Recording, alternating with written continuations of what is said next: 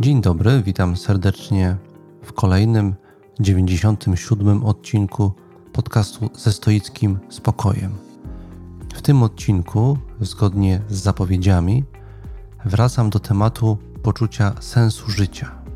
Czym jest poczucie sensu życia? Dlaczego je tracimy i jak można je odzyskać? Odpowiedzi na te pytania będzie można znaleźć w dzisiejszym odcinku, do słuchania którego serdecznie zapraszam.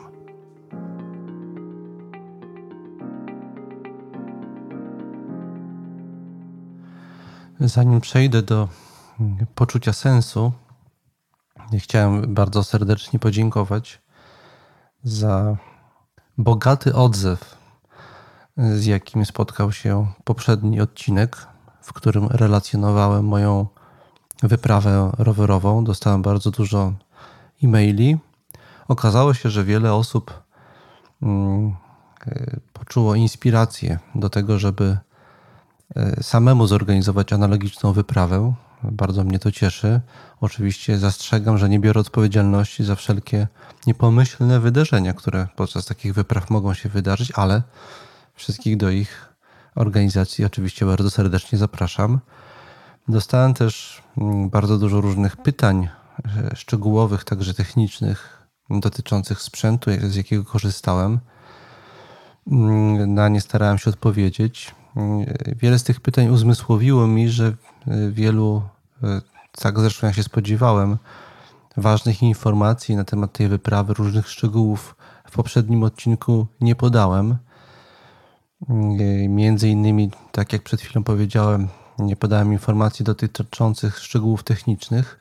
Przed wyprawą kilkoro moich znajomych, niezależnie od siebie, zachęcało mnie do zmiany roweru, na którym będę jechał.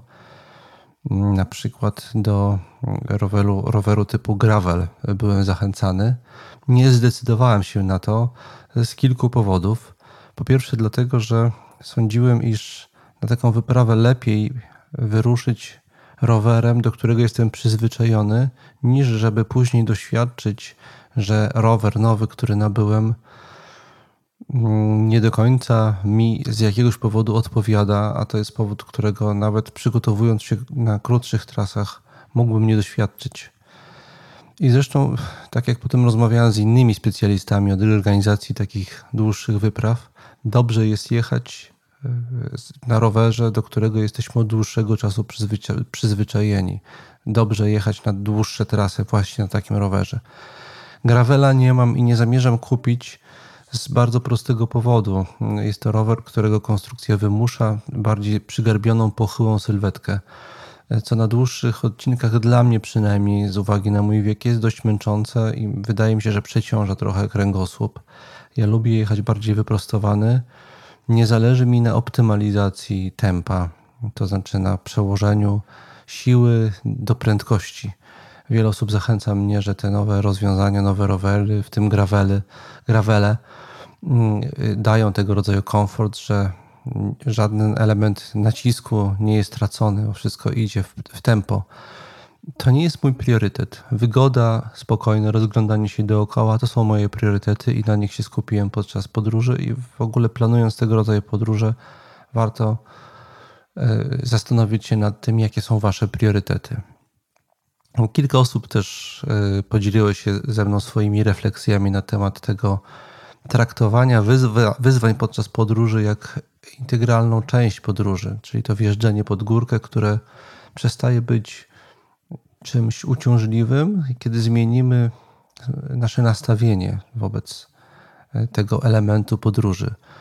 E, I dziękuję, e, bo z tego, co pisaliście, wnioskuję, że dało Wam to do myślenia i to zmienia też nasz stosunek do, może zmienić stosunek do codziennych, różnych, mniej lub bardziej męczących wyzwań, które, jeżeli na nie spojrzymy z innej perspektywy, jako część całości, która jest dla nas ważna i na tym się skupimy, to okazuje się, że te wyzwania przestaniemy postrzegać jako element uciążliwy i taki, który po prostu trzeba znieść, ale także właśnie jako element pożądany i sprawiający innego rodzaju satysfakcję.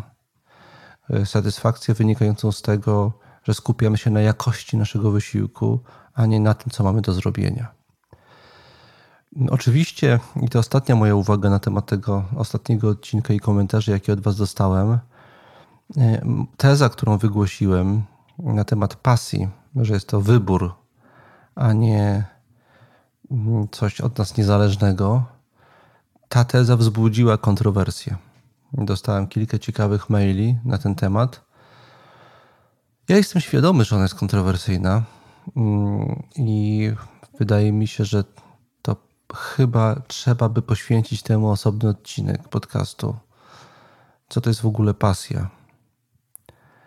Ja mam dużo refleksji na ten temat, zaczynając od tego, że słowo pasja wywodzi się od etymologicznie od słowa patche, terminu, za pomocą którego stoicy określali jednocześnie namiętności i zaburzenia, czyli chorobę, czyli słowo pasja etymologicznie rzecz biorąc wywodzi się z, z tego, co stoicy określali w naszej naturze jako chorobę. Więc może to nie jest w ogóle fortunny termin, żeby go użyć w tym kontekście.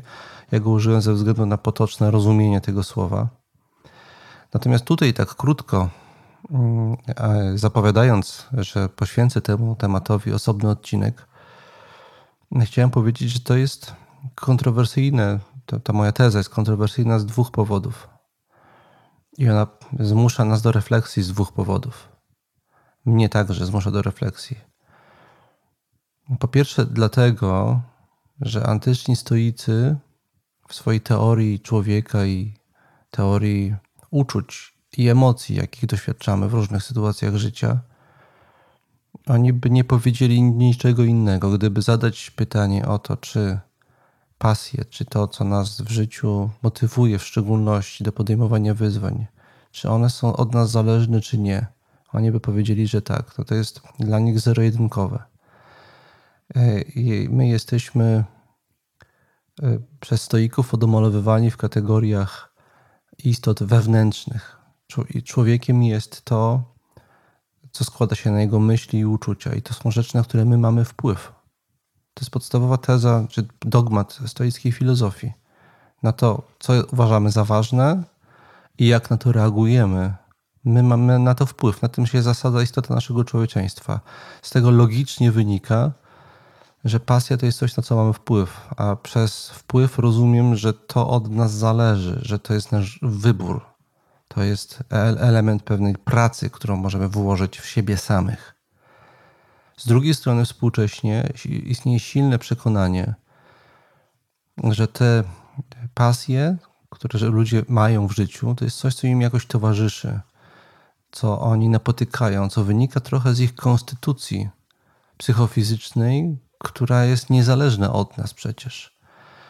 No więc to jest dylemat, który chciałbym który chciałbym poddać namysłowi jeszcze trochę o nim pomyśleć, może coś doczytać i poświęcić temu osobny odcinek podcastu.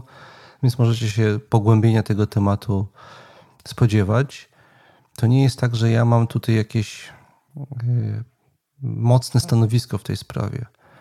Pod wpływem doświadczenia, jakie miałem i refleksji, jakie miałem na mojej wyprawie rowerowej, podczas mojej wyprawy rowerowej, doszedłem do takiej konstatacji, że pasja to jest do pewnego stopnia wybór.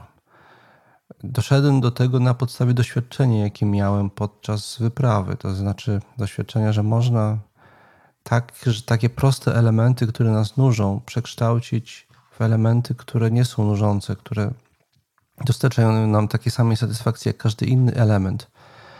Następnie yy, pomyślałem, że to można przeprowadzić tego rodzaju przemianę wobec bardzo wielu innych życiowych aktywności, także takich, które wykonujemy nie z powodu pasji, ale są po prostu naszym zawodem. Jeżeli także w obszarze e, rzeczy, które nie są pierwo, w punkcie wyjścia naszymi pasjami, można takiej przemiany dokonać, to one się w pewnym sensie stają pasjami. E, tak zaczynamy je, ich doświadczać, robiąc e, to, co robimy w określony sposób. Z tego wywnios wy, wy, wy, wywnioskowałem, że to jest właściwie wybór, co jest naszą pasją. To się wiąże z takim przekonaniem, że to nie nasze uczucia determinują wyłącznie to, co robimy, ale to, co robimy, determinuje nasze uczucia. Jeżeli coś robimy, nieważne z jakiego powodu, po prostu to robimy i robimy to długo i dobrze, z odpowiednim nastawieniem, to po prostu zaczyna nam towarzyszyć podczas robienia tej rzeczy satysfakcja na tyle intensywna, jeżeli nasze nastawienie jest poprawne, że można to nazwać pasją. Właściwie już streściłem większą część tego odcinka, które mogłem poświęcić pasji. E, za to odrobinę przepraszam, ale tylko odrobinę.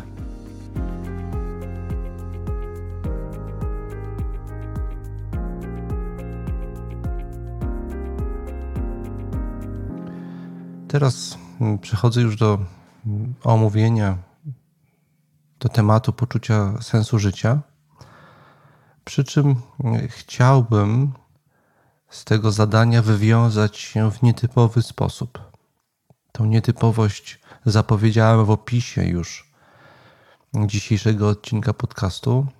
Najpierw więc wyjaśnię, na czym ona będzie polegać. Częścią mojej wyprawy rowerowej co często mi się zdarza, było wyzwanie pisarskie. Codziennie wieczorem pisałem i wybrałem formę pisania, wybrałem taką, która jest kompatybilna w miarę z, z wyprawą rowerową. Mam przez to na myśli to, że nie mam dostępu do dużej ilości literatury, więc to nie może być tekst naukowy. Zacząłem pisać zaprojektowano już dawno temu powieść, która ma roboczy tytuł mm, Bóstwa ukryte albo o bóstwach ukrytych. Jest to alegoryczna opowieść o czymś, czego nie będę zdradzał, o czym.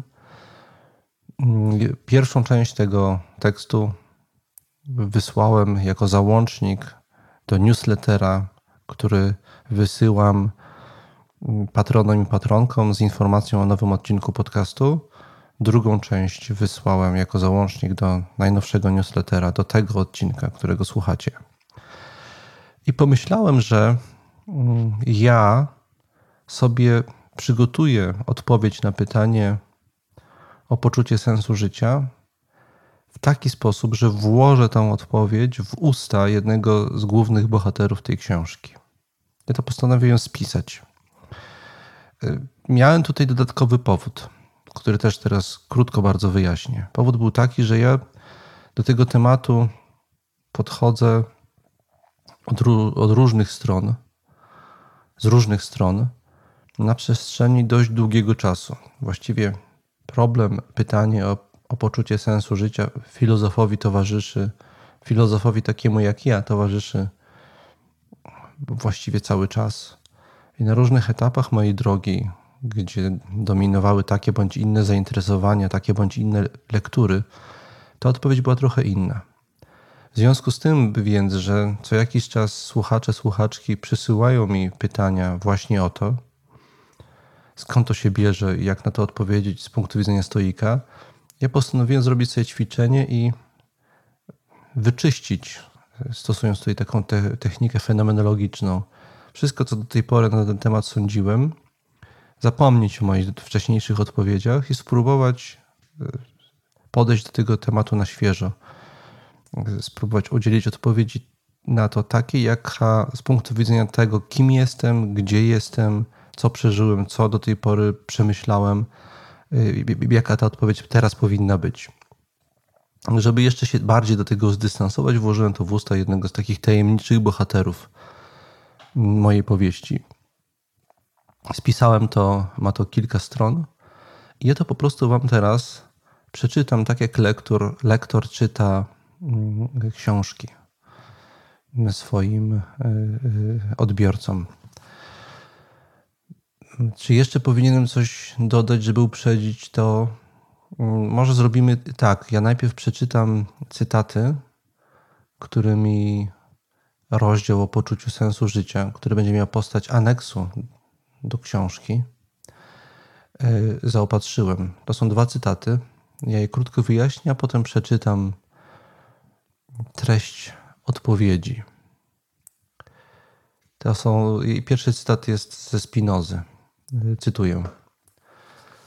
I rzeczywiście, kto na równi z dzieckiem lub chłopcem posiada ciało uzdolnione do bardzo niewielu czynności i w wielkiej mierze zależny od przyczyn zewnętrznych, posiada duszę, która rozważana sama w sobie zgoła niemal nie jest świadoma ani siebie samej, ani Boga, ani rzeczy.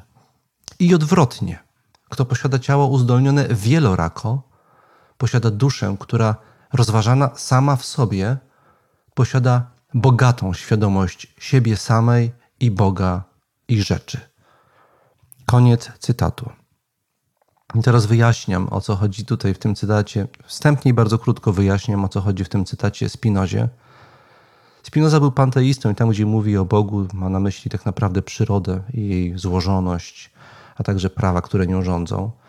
Istotą tego, tego cytatu według komentatorów jest to, że Spinoza uważa, że im bardziej jesteśmy różnorodnie zmysłowo pobudzani, ale także im więcej naszych zdolności i możliwości jest uruchomionych przez nasze doświadczenie, tym także bogatsze jest nasze życie wewnętrzne i tym głębsze rozumienie świata. Te rzeczy ze sobą ściśle korespondują. E, więc to jest cytat ze Spinozy. I dodam jeszcze e, cytat e, z Arejosa Didymosa. To jest autor podręcznika etyki stoickiej z pierwszego wieku naszej ery, którego fragmenty przetrwały. Już tutaj kiedyś o nim mówiłem. Ja lubię go poczytywać i znalazłem następujące krótkie zdanie. Cytuję. Ogólnie powiadają stoicy, że cnota to postawa duszy, współbrzmiąca z nią samą w całym życiu. Koniec cytatu. Ten wyraz, na którym się zająknąłem, współbrzmienie, jest kluczowy w tym, w tym zdaniu. E, jest to, brzmi, jest to pewnego rodzaju harmonia naszego organizmu, wszystkich jego elementów, mm, która jest względnie trwała i na, czas, na długi czas trwania naszego życia. Więc cnota nie jest tutaj interpretowana jako zespół, zestaw norm, którymi, którym powinniśmy się podporządkować, ale jest y, rozumiana bardziej organicznie, jako pewnego rodzaju wewnętrzna równowaga, równowaga różnych naszych mm, motywacji, poruszeń, zdolności, doświadczeń i przemyśleń. I to stanowić powinno spójną, harmonijną całość. I w wielu tekstach stoickich położony jest nacisk na wewnętrzną harmonię bardziej niż na dostosowanie do zewnętrznych norm postępowania.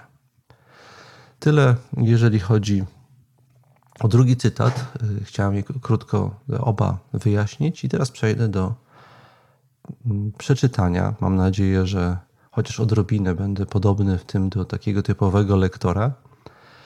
Przeczytania fragmentu książki, która jest w przygotowaniach. Książka, która będzie nosiła tytuł Bóstwa Ukryte.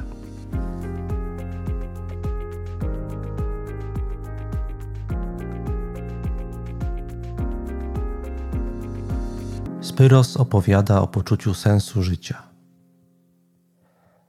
Rejs skończyliśmy, jak już pisałem wcześniej, w małym portowym mieście we Francji. Do portu wpłynęliśmy wczesnym popołudniem, spakowaliśmy się, zrobiliśmy ostatnie cokolwiek sentymentalne spotkanie oraz zjedliśmy ze smakiem ostatni posiłek w mesie. Potem zapakowaliśmy się do małego podstawionego autokaru, który nas zabrał z powrotem do naszego kraju. Spyros przez jakiś czas jechał z nami. Potem wysiadł. Przesiadł się do innego środka transportu, udając się w innym, nieznanym nam kierunku. Sądzę, że była to Grecja lub Włochy. Manewrowałem chytrze, żeby koło niego usiąść. Chciałem mu zadać jedno pytanie, z którym się wcześniej krępowałem, tak przy wszystkich wyskoczyć. Chodziło o poczucie sensu życia. Często, przez długie okresy mojej dotychczasowej egzystencji, towarzyszyło mi uporczywe i dość nieprzyjemne doświadczenie pustki życia oraz jałowości wszelkich przedsięwzięć. Sądziłem, że ma to coś wspólnego z brakiem poczucia sensu życia. Krępowałem się o to zapytać, bo zazwyczaj prowadziliśmy rozmowy na dość szczegółowe i raczej wyrafinowane, filozoficzno-duchowe zagadnienia, podczas gdy pytanie o sens życia wydawało się najbardziej ogólne, oklepane, może nawet trywialne. Sądziłem, że Spyros może mnie nawet zbyć jakąś ironiczną lub lakoniczną odpowiedzią, jednak zdecydowałem się zaryzykować. Przez chwilę jechaliśmy w milczeniu. Spyros podziwiał widoki za oknem. Zachodzące słońce pogłębiało zmarszczki na jego twarzy, które i bez tego robiły wrażenie nienaturalnie głębokich, niby wrzynające się w jego ciało na kilka centymetry, przecinając skórę, kości i organy wewnętrzne. Bardzo trudno było określić jego wiek.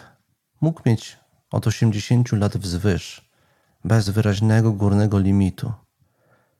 Niektóre jego wypowiedzi sugerowały nadzwyczajną długowieczność, ale sądzę, że to były raczej zabiegi retoryczne. W końcu udało mi się go zagadnąć i zadać moje pytanie. Sądzę, że musiał je już słyszeć wiele razy, ale nie dał tego po sobie poznać. Udzielił mi następującej odpowiedzi.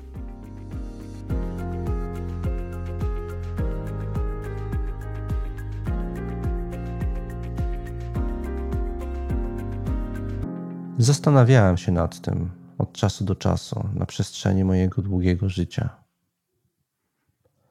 Z początku najbardziej przemawiała do mnie oszczędna, matematyczna czy też abstrakcyjna definicja sensu, ujmująca kwestię w kategoriach proporcji czy właściwie relacji. Po pierwsze, żeby to wyjaśnić, należy wyodrębnić obszar rzeczy czy zdarzeń, do których ta relacja ma zastosowanie.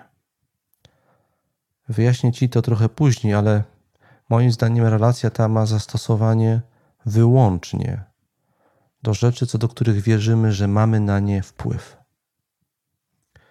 Przez wpływ zaś rozumiem, że mogą one ulec zmianie na skutek naszego intencjonalnego działania. Oto robimy coś, dzięki czemu w nas lub w otaczającym nas świecie następuje jakaś dająca się odczuć zmiana na lepsze. Następnie można powiedzieć, że sens to relacja między tym, co w tym obszarze jest, a tym, co być powinno, bo jest właśnie lepsze. Żeby ta relacja zaistniała, niezbędna jest pewna miara, którą przykładamy odpowiednio do aktualnego stanu rzeczy, a następnie do możliwego stanu rzeczy, możliwego i pod jakimś względem lepszego, takiego, który sobie dopiero wyobrażamy, że mógłby zajść. Za pomocą tej miary oceniamy więc te dwa stany rzeczy i porównujemy je do siebie oceniamy, że jeden jest lepszy od drugiego i my powinniśmy coś zrobić, żeby od jednego przejść do drugiego. A więc, idąc dalej, poczucie bezsensu zachodzi wtedy, gdy ma miejsce jedno z dwojga. Po pierwsze, kiedy mamy przekonanie, że w świecie który nas jakoś obchodzi, a więc w jakiś sposób dotyczy, i to zarówno w wymiarze wewnętrznym, jak i zewnętrznym tego świata, nie istnieje żaden stan rzeczy, który mógłby być lepszy niż jest. Po prostu nie potrafimy sobie wyobrazić, jak można by ten świat polepszyć. Po drugie, doświadczenie, to doświadczenie bez sensu, ma miejsce wtedy, gdy wprawdzie wyobrażamy sobie, że w tym świecie jakiś stan rzeczy mógłby być lepszy niż jest. Jednak nie wierzymy, że jakiekolwiek nasze działanie mogłoby się do tego chociaż w niewielkim stopniu przyczynić. Jeśli zachodzi chociaż jeden z tych warunków, możemy mówić o poczuciu bezsensu. Zaletą tego eleganckiego i czysto abstrakcyjnego ujęcia jest nadto, że można za jego pomocą przedstawić poczucie sensu także jako zjawisko stopniowalne. Pomyśl tylko, poczucie to jest mianowicie tym silniejsze, im większa jest stwierdzona dysproporcja między stanem aktualnym a stanem, które za pomocą naszych działań mogłyby się ziścić. Można na przykład powiedzieć, że poczucie sensu jest największe, kiedy stan aktualny na skali dobra czy znaczenia wynosi 0%, zaś stan docelowy wynosi na tej skali 100%. Poczucie sensu natomiast będzie najmniejsze wtedy, gdy, gdy między stanem aktualnym a docelowym nie zachodzi żadna dodatnia różnica na tej skali. Wadą tego ujęcia jest oczywiście względność punktu odniesienia, a więc w szczególności miary, za pomocą której oceniamy zarówno punkt wyjścia, jak i punkt docelowy. Tak ustanowione poczucie sensu bardzo łatwo jest bowiem niestety podważyć. Jeśli się zakwestionuje miarę, za pomocą której dokonujemy oceny tych dwóch punktów. Pewnym rozwiązaniem jest tutaj dla ludzi, dla wielu ludzi, wiara religijna, w ramach której zawsze podawana jest jakaś jedna, określona miara, dyktowana przez siłę wyższą na drodze jakichś specjalnych objawień, interpretowanych następnie przez specjalną kastę kapłanów. Tak jest w większości religii. To daje ludziom względny spokój. Powiedziałem jednak, że religia jest pewnym rozwiązaniem oraz że ona daje jedynie względny spokój. Użyłem tych określeń w pełni świadomie. Mają one bowiem, nadają one bowiem wypowiedzi charakter warunkowy. Jest tak dlatego, że wybór religii do wierzenia jest dokładnie tak samo względny, jak wybór wspomnianych wcześniej miar. To uświęcona tradycją i przyzwyczajeniem iluzję, że jest inaczej. Nic na to niestety nie można poradzić. Zatem poczucie sensu ujęte od tej strony, od strony, którą nazwałem matematyczną, jest wprawdzie proste i eleganckie, jasne i trafiające do, do rozumienia, ale niestety jest jednocześnie bardzo arbitralne i zawieszone w próżni, którą człowiek poddający swoje życie refleksji prędzej czy później uświadamia sobie lub w którą wpada. Sądzę, że ta próżnia jest jakimś zasadniczym problemem kultury zachodniej. Ona nad tą kulturą wisi, niby jakieś widmo. Zaczęliśmy je sobie wyraźnie uświadamiać, kiedy pojawiła się na przełomie późnego średniowiecza i nowożytności klasa społeczna intelektualistów, w większości absolwentów mnożącej się wtedy liczby uniwersytetów. Ci ludzie utrzymywali się zawodowo z samej pracy umysłu, a więc z tego, że myśleli abstrakcyjnie. Okazało się, i to jest jedna z bodaj najbardziej gorzkich pigułek do przełknięcia przez cywilizację zachodnią, że wraz z przyrostem myślenia abstrakcyjnego, wraz z przyrostem liczby intelektualistów, nie dochodzi do przyrostu poczucia sensu, a właściwie jest odwrotnie. Wzrasta raczej liczba kryzysów w tym zakresie. Tak się dzieje. Ale to jest osobny temat i nie będę go teraz rozwijał.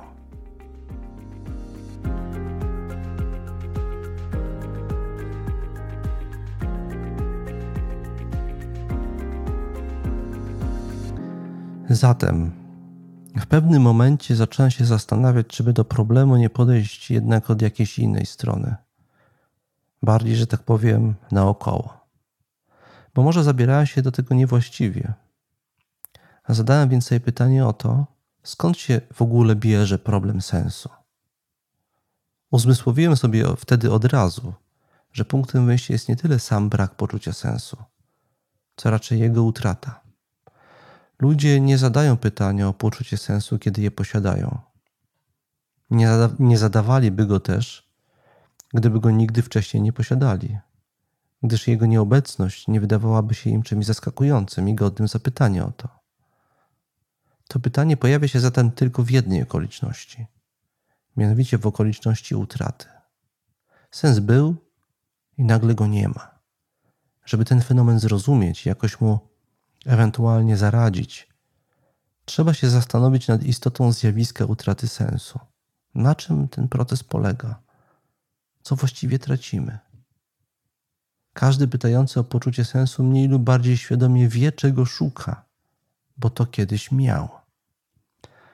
ja sam myślałem o tym od wielu stron i dość długo.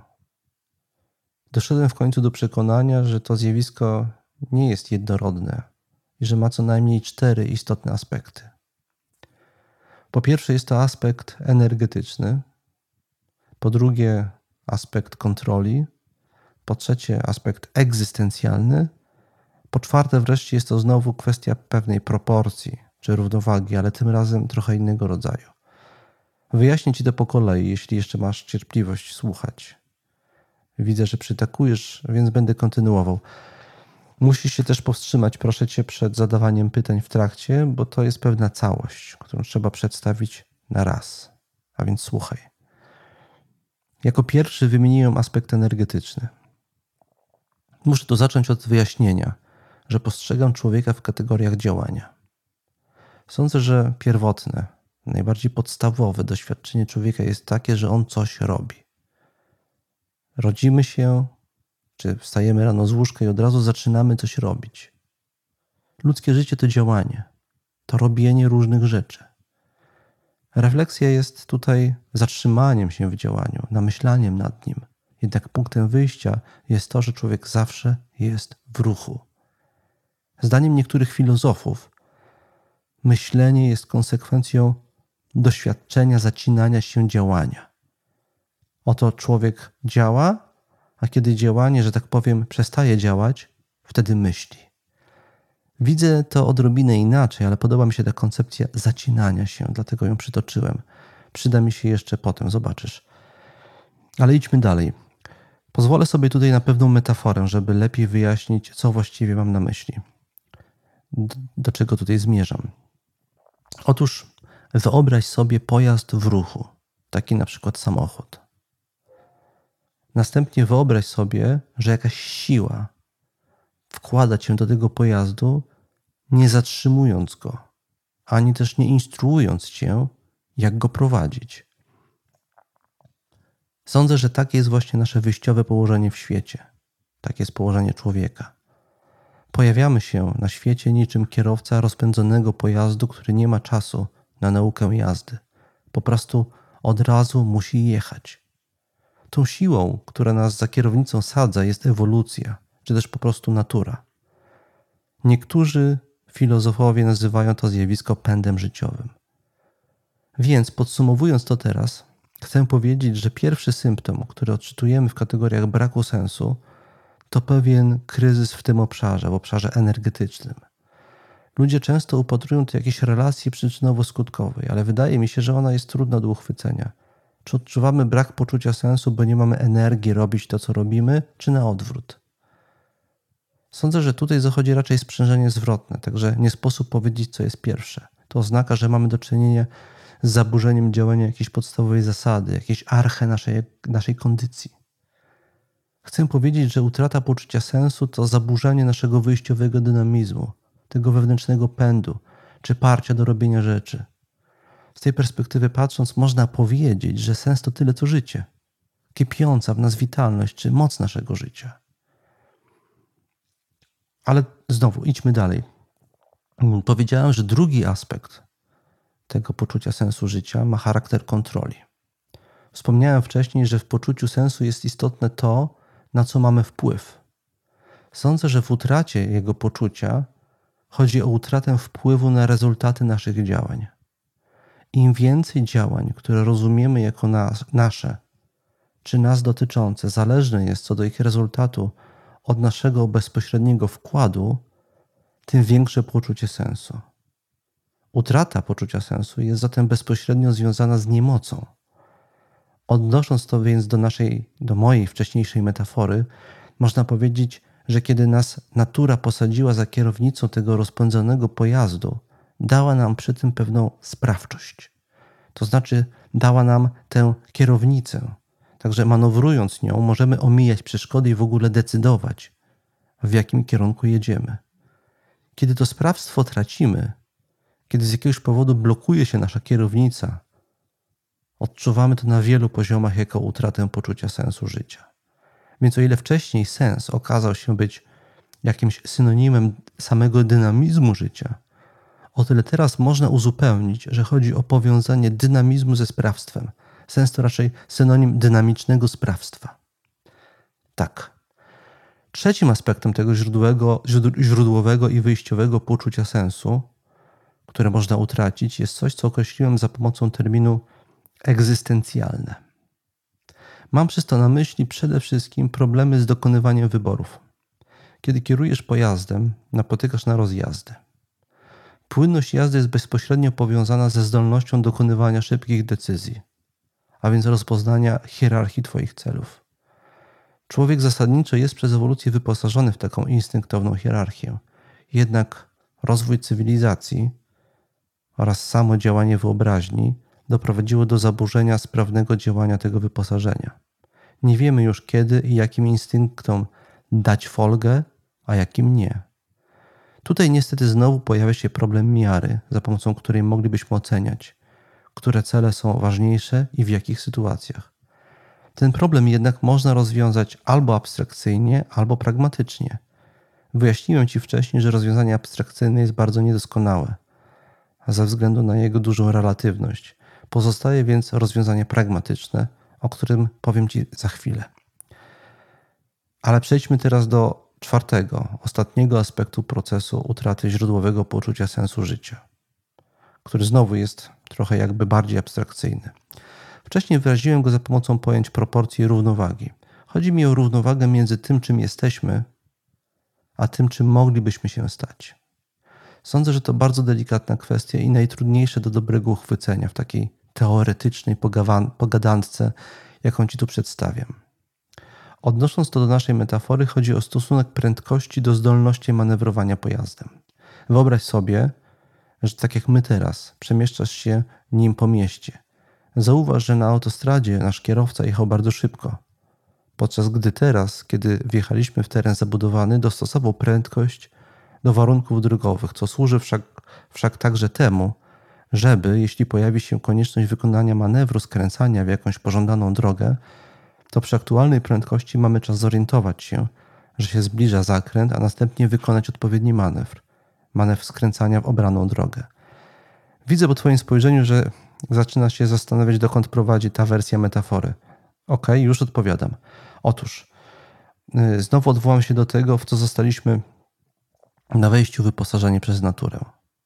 Można powiedzieć, że o ile wszystkie inne istoty są pasażerami pojazdu o nazwie przyroda, o tyle my sami i jedyni jesteśmy jednocześnie pasażerami i kierowcami. To, gdzie jedziemy, po części zależy od czynników od nas niezależnych, jak prędkość właśnie czy infrastruktura drogowa. Jednak z drugiej strony okazuje się, że nasze dłonie spoczywają na kierownicy, którą możemy kręcić, modyfikując w ten sposób wyjściowy kierunek jazdy. Można to też wyrazić za pomocą bardzo interesującej sprzeczności. Oto z jednej strony natura wyposażyła nas w automatyzmy funkcjonowania, z drugiej zaś strony w zdolność niepodlegania im, a także wykształcania nowych mechanizmów. Najkrócej rzecz ujmując, jesteśmy ulepieni z instynktów, refleksji i nawyków.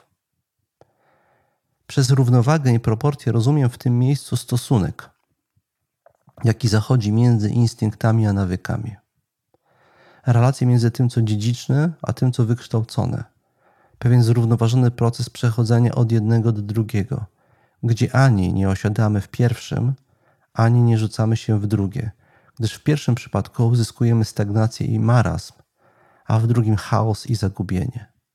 Zatem uważam, że utrata poczucia, poczucia sensu życia w tym czwartym aspekcie to także utrata tej ciągłości między jednym a drugim, Myślę, że bardzo trudno jest uchwycić, że o to właśnie chodzi, ale w braku sensu, kiedy tego braku doświadczamy, chodzi w tym przypadku o doświadczenie braku ciągłości, braku równowagi, braku właściwej proporcji między schematami odziedziczonymi a nabytymi.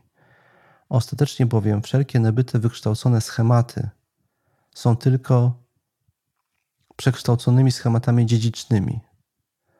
Więc przy utracie ciągłości wszystko się zaczyna rwać. Teraz mogę wrócić do pragmatycznej, w miejsce abstrakcyjnej metody dokonywania wyboru. Zapowiedziałem wcześniej, że ci to wyjaśnię. Otóż człowiek, moim zdaniem, zawsze jest w procesie wykonywania działań, tak jak już powiedziałem. Więc chodzi o ustalenie, wedle jakich kryteriów może szybko i płynnie dokonywać wyborów, jakie, jakie działania wybrać, a jakie odrzucić. To się także odnosi do wyboru tego, jakie nowe nawyki działania wykształcić, a, wykształcić, a jakie nie. I tutaj sensowne są takie wybory, takie działania i takie nawyki, które podtrzymują poczucie sensu. Po pierwsze, więc takie, które pielęgnują naszą energię, podtrzymują jej jakość. Chodzi tu o troskę o wymiary, o wymiary kondycji ciała i umysłu. Następnie, skoro drugim aspektem sensu był zakres naszego wpływu na nasze życie, chodzi o wybór takich działań, które ten zakres zachowują lub poszerzają. Po trzecie, chodzi o takie działania, które pozwalają zachować proporcje. Tutaj chodzi przede wszystkim o troskę o naszą umiejętność dokonywania refleksji nad naszym bieżącym doświadczeniem. Następnie trzeba uwzględnić, że człowiek zawsze jest w relacji do innych ludzi i do świata. Więc chodzi tu po czwarte o takie działania, które pielęgnują wymienione powyżej rzeczy nie tylko w nas, ale także u istot nas otaczających, zwłaszcza innych ludzi. Wreszcie chodzi tu też moim zdaniem, i to jest ostatnie, piąte kryterium, o różnorodność. Życie to bogactwo. Tym więcej mam możliwości samorealizacji, a więc stos stosowania i rozwijania w różnych kierunkach naszych przyrodzonych zdolności, im bardziej otaczający nas świat, tak ludzki, jak i pozaludzki, jest bogaty i różnorodny. Człowiek zawsze jest wypadkową ekosystemu. Sens to z tej perspektywy bardziej właściwość tego ekosystemu niż oderwanej jednostki. Stąd bierze się postulat, żeby o ten ekosystem się troszczyć, a więc wybierać raczej takie działania, które sprzyjają jego bogactwu i różnorodności, niż je ograniczają. I to znowu zarówno w środowisku wewnętrznym, jak i zewnętrznym. Sądzę więc, że na tym etapie mojego wywodu mogę podać niespecyficzną, nieabstrakcyjną i trochę prowizoryczną definicję poczucia sensu życia. Odrobinę do tego celu przeorganizowując to, co dotychczas powiedziałem. A więc podaję, słuchaj uważnie. Przez poczucie sensu życia należy rozumieć skutek uboczny takiego stanu naszego życia, który się charakteryzuje wysokim poziomem witalności, sprawstwa w tym, co się robi, sprawności wyboru między możliwościami i wreszcie równowagą między tym, jacy byliśmy, a tym, jacy się stajemy, jacy jesteśmy. Załącznikiem do tej definicji jest wyjaśnienie, że jest pięć kryteriów zasadnych wyborów między wspomnianymi możliwościami. Są to wybory podnoszące prawdopodobieństwo zachowania po pierwsze witalności, po drugie sprawstwa, po trzecie refleksyjności, po czwarte bogactwa i różnorodności doświadczenia, a wszystko to po piąte, tak u siebie, jak i u innych, tak w rzeczywistości wewnętrznej, jak i zewnętrznej. Taka jest moja definicja. Mam nadzieję, że taka odpowiedź Cię zadowala. Może jak mnie zapytasz za kolejnych 100 lat, to Ci podam inną. Zobaczymy. W każdym razie zastanów się jeszcze nad nią. O, to mój przystanek, tutaj wysiadam. To powiedziawszy, podniósł się z siedzenia, sięgnął po worek ze swoimi rzeczami i charakterystycznymi, zaskakującymi jak na jego wiek sprężystymi, by nie rzec stanecznymi ruchami. Udał się w stronę wyjścia, żegnając się po drodze ze wszystkimi. Chwilę później wyszedł z autokaru i dość szybko się oddalił. Nigdy więcej już go nie spotkałem. Nie zdążyłem go zapytać, jak, jak ma się podana przez niego definicja sensu życia do koncepcji bóstw ukrytych i ich sekretnego oddziaływania na ludzi. Gdzieś w moim umyśle, zdawało mi się, tliła się odpowiedź na moje pytanie. Wiedziałem, że jest tuż, tuż. Jednak miało minąć jeszcze kilka lat, jeszcze kilka różnych dziwnych kryzysów duchowych, zanim to w pełni pojąłem ale tak to już jest. Każdy ma swoją drogę do przejścia.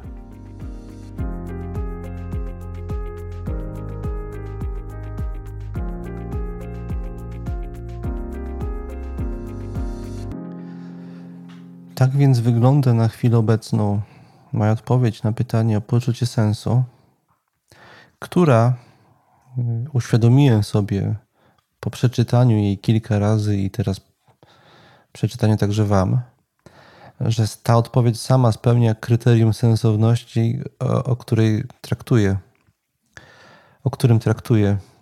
Y, chodzi mi o ciągłość i równowagę. Mm, ja, tak jak powiedziałem, próbowałem się przyjrzeć temu od nowa i zada, odpowiedzieć na to pytanie z takiej perspektywy obecnej mojej, z perspektywy tego, jak ja to widzę teraz. Tymczasem, jak to przeczytałem, jest to pewna modyfikacja różnych odpowiedzi, różnych moich refleksji z różnych obszarów na przestrzeni dłuższego czasu. Zachowuje więc element spójny, wspólny, ciągły z pewnymi dodatkami. Więc w tym sensie ona, przykładając do niej kryterium sensu, o którym traktuje sama, jest sensowna. Ale to uświadomiłem sobie teraz ją odczytując dla Was. Przypuszczam, że ona jest na tyle zawiła, że niektórzy będą chcieli odsłuchać jeszcze z jeden czy dwa razy tego fragmentu, do czego zachęcam. W wersji spisanej i być może jeszcze trochę przerobionej, bo ja pracuję w ten sposób, że to, co y, zapisuję, potem wiele razy do tego wracam i przy każdym kolejnym czytaniu modyfikuję to, co czytam, dodaję coś, uspójniam. Jeżeli coś mi tam zgrzyta, to jeszcze coś modyfikuję. A więc w pewnej wersji to, co Wam przeczytałem dzisiaj, trafi do druku. Biorąc pod uwagę tempo moich prac, ile jeszcze mi zostało, mam około 250 stron tej książki. Myślę, że zostało jeszcze jakieś 100, bo jeszcze kilka tam rzeczy musi się wydarzyć, więc sądzę, że do końca roku ja ją skończę, skończę pisać. I pewnie w pierwszej połowie drugiego roku ona się może, następnego roku ona się może ukazać. Wam dzisiaj za uwagę dziękuję. Jeszcze raz dziękuję za wszystkie maile. Także dziękuję mężowi Joanny. Miałem ciekawą korespondencję z jednym z naszych słuchaczy. Właściwie z mężem słuchaczki. E, tą osobą jest Joanna, która e, słucha mojego podcastu, za co dziękuję. I ma na, tyle kochanego męża, że który odezwał się do mnie y, w związku z urodzinami Joanny i zaproponował, żebyśmy razem coś dla niej wymyślili. Jakieś, jakąś książkę z jakimś autografem, może coś innego. I to się wydarzyło. Y, więc Joanna wszystkiego najlepszego z okazji urodzin, a jednocześnie także gratuluję czujnego i czułego męża. To było bardzo miłe, ta nasza korespondencja na Twój temat. I to, co nam się udało, udało e, e, razem e, z okazji Twoich urodzin wypracować i zaproponować. Wszystkim innym słuchaczom i słuchaczkom także dziękuję. Patronów i patronki zachęcam do wysłuchania dogrywki dla, dla Was, która jest na platformie Patronite. Tam podzielę się jedną z, jednym z moich ostatnich odkryć na temat natury emocji. Zauważyłem coś ciekawego na temat tego, jak używamy dzisiaj emocji.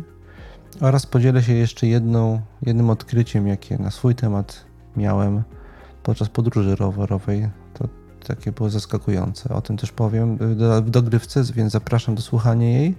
Dziękuję Wam za to, że jesteście ze mną. W szczególności dziękuję tym najbardziej hojnym patronom. Wymienię ty, tylko tych nieanonimowych dzisiaj, dobrze? E, bo tam jest część osób, która mnie wspiera hojnie, ale anonimowo. Wymieniam nieanonimowych.